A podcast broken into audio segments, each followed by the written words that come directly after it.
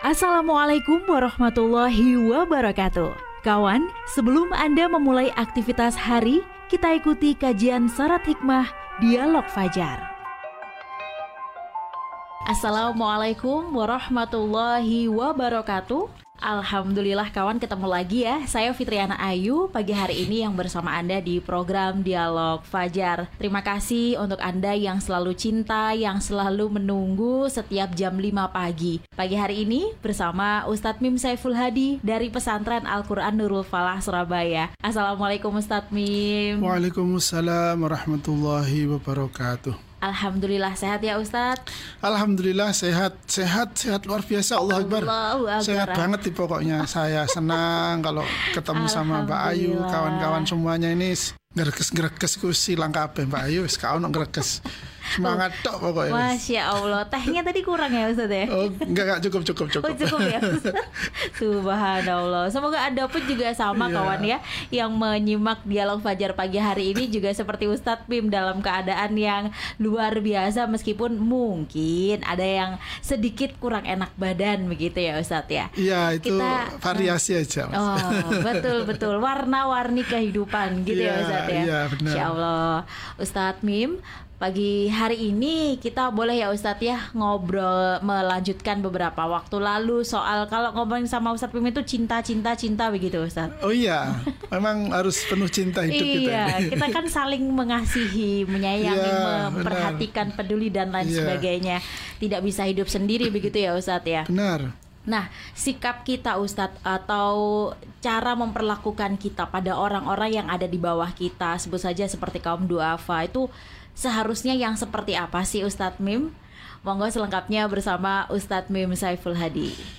Terima kasih Mbak Ayu, terima kasih kawan-kawan semuanya. Sekali lagi Alhamdulillah, Alhamdulillah, Alhamdulillah. Bahagia sekali, senang sekali, bersyukur sekali saya, kita semua mm-hmm. dipertemukan di detik ini, di menit ini. Alhamdulillah. kalau malaikat ini apa namanya memperhatikan kita bukan kalau ya pasti ya pasti pasti betul. memperhatikan kita ketika menit ini detik ini kita memanfaatkan telinga hmm. kita pendengaran hmm. kita perhatian kita untuk hmm. bergabung di acara kita dialog fajar tentu sebuah kenikmatan yang sangat besar ya rasa syukur yang tak boleh kita putus selalu ucapkan selalu jaga kita pelihara di dalam hati bagaimanapun keadaannya saya ulangi, bagaimanapun keadaannya tetap harus bersyukur. Amin. Ya. Alhamdulillah. Salawat dan salam tersanjung kepada junjungan kita Rasulullah Muhammad Sallallahu Alaihi Wasallam beserta keluarga dan para sahabat semuanya.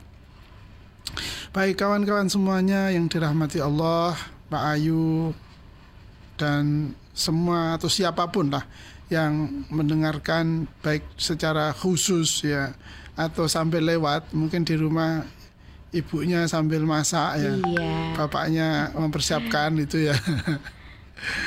Nah, kemudian mungkin ada saudara yang sedang bersama-sama atau kawan yang sedang ngetem ini di rest area barangkali oh, iya iya bisa, bisa. ya Semoga kehadiran kebersamaan kita betul-betul dicatat oleh Allah sebagai amalan soleh kita. Amin, amin. Nah, untuk menjawab pertanyaannya Mbak Ayu, ya. saya akan kutipkan sebuah hadis Rasulullah Muhammad Sallallahu Alaihi Wasallam. Bismillahirrahmanirrahim. Wa an Mus'ab bin Sa'ad bin Abi Waqqas radhiyallahu anhuma qala Ra'a Sa'dun anna lahu fadlan ala man dunahu faqala an-nabiyyu sallallahu alaihi wasallam. Hal tungsaruna wa turzaquna illa bidu'afaikum. Rawahul Bukhari. Dari Mus'ab ibnu Sa'ad ibnu Abu Waqas radhiyallahu anhuma dia berkata, Sa'ad atau Sa'ad bin Abi Waqas melihat bahwa ada kelebihan pada dirinya di atas orang yang ada di bawahnya maka Nabi Muhammad Shallallahu Alaihi Wasallam bersabda, kamu tidak diberi pertolongan atau kemenangan dan tidak diberi rizki melainkan karena kaum lemah. Hmm. Hadis riwayat Bukhari. Nah, Pak Ayu dan kawan-kawan semuanya kalau melihat dawuhnya kanjeng Nabi ini kan jelas. Yeah. kalau kita merasa uh, harta kita banyak ya berlimpah, Amin. mobilnya mewah, Amin ya Allah. terus rumahnya megah, gitu ya. Allah. Amin. Kemudian kita punya apa asisten rumah tangga, misalnya begitu Mbak Ayu ya. Atau kita punya tetangga yang rumahnya reot barangkali gitu ya. Hmm. Pertanyaannya adalah pikiran apa yang terbersit di kepala kita? Apakah kemudian kita mengatakan saya kaya, saya sukses, saya berhasil, istilah Rasulullah tadi itu menang? gitu. Ya. Karena kerasnya usaha yang kita telah lakukan, atau cakapnya kita memanfaatkan peluang, kesempatan yang ada di hadapan kita. Kalau menurut Rasulullah malah jelas bahwa sesungguhnya keberhasilan, kesuksesan, kemenangan kita ini dikarenakan adanya orang-orang yang duafa, orang-orang yang lemah, orang-orang yang miskin, orang-orang yang tidak mampu. Nah, pandangan ini yang diajarkan oleh Nabi kepada kita. Oleh karena itu, Mbak Ayu dan kawan-kawan semuanya, apabila kita memiliki harta yang banyak, harta yang banyak berupa apa saja, Ya.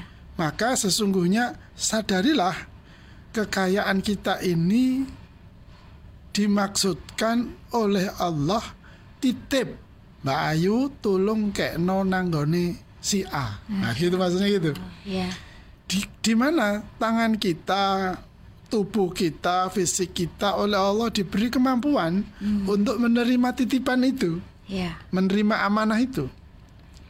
Sehingga kita tidak menggenggamkan tangan, gitu ya.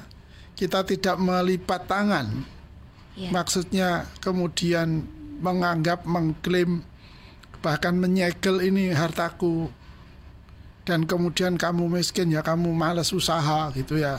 Kamu salahmu sendiri itu nasibmu kok kamu apa urusanku? Nah misalnya begitu.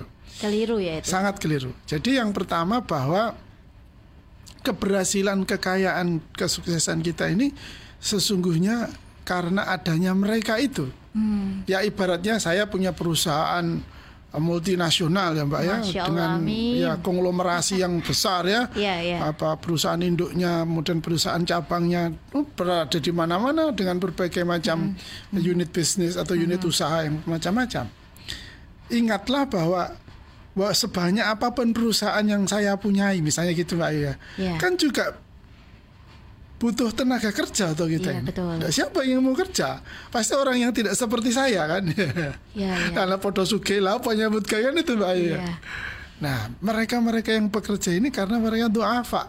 Hmm. Mereka lemah kan itu. Mereka tidak mampu setidaknya kemampuannya tidak semampu saya yang memiliki perusahaan kan itu. Hmm. Maka sesungguhnya ketika saya menjadi pengusaha, menjadi bos, menjadi owner, menjadi apa pun atau CEO dan seterusnya, ketika kita melihat pekerja kita, ketika melihat pegawai kita, karyawan kita, sesungguhnya di tangan mereka, mereka lah kekayaan kita Iya. ada, tumbuh dan berkembang gitu ya. Maka dampaknya apa kemudian sikap kita? Maka menghargai mereka, mencintai mereka gitu. Bukan malah memeras kan? Karena kalau pandangan kita ah, itu oncene nasibmu ya pegawai lah pokon ribut-ribut. Kalau pikirannya begitu maka yang ada dalam tindakan adalah bagaimana se apa semaksimal mungkin itu diperas di pokoknya dihabiskan lah. Nah, patuto disedot geti Ya, kayak ya. vampir. Bukan keringat lagi ya Ustaz Bukan ya? keringat lagi ya, bukan keringat lagi. Karena pandangannya berbeda. Ya. Maka dari itu yang ke- yang kedua adalah kita menjadi menghargai Hmm. justru orang-orang yang berada di bawah kita. Hmm. Kita mencintai justru lebih besar cinta kita kepada orang-orang yang di bawah kita. Nah, kita kan sangat sakit ya kalau misalnya kita ke mana ke Balai Pemuda itu kan ya. Iya. Itu kan di sana ada tulisan yang sangat menyakitkan ya.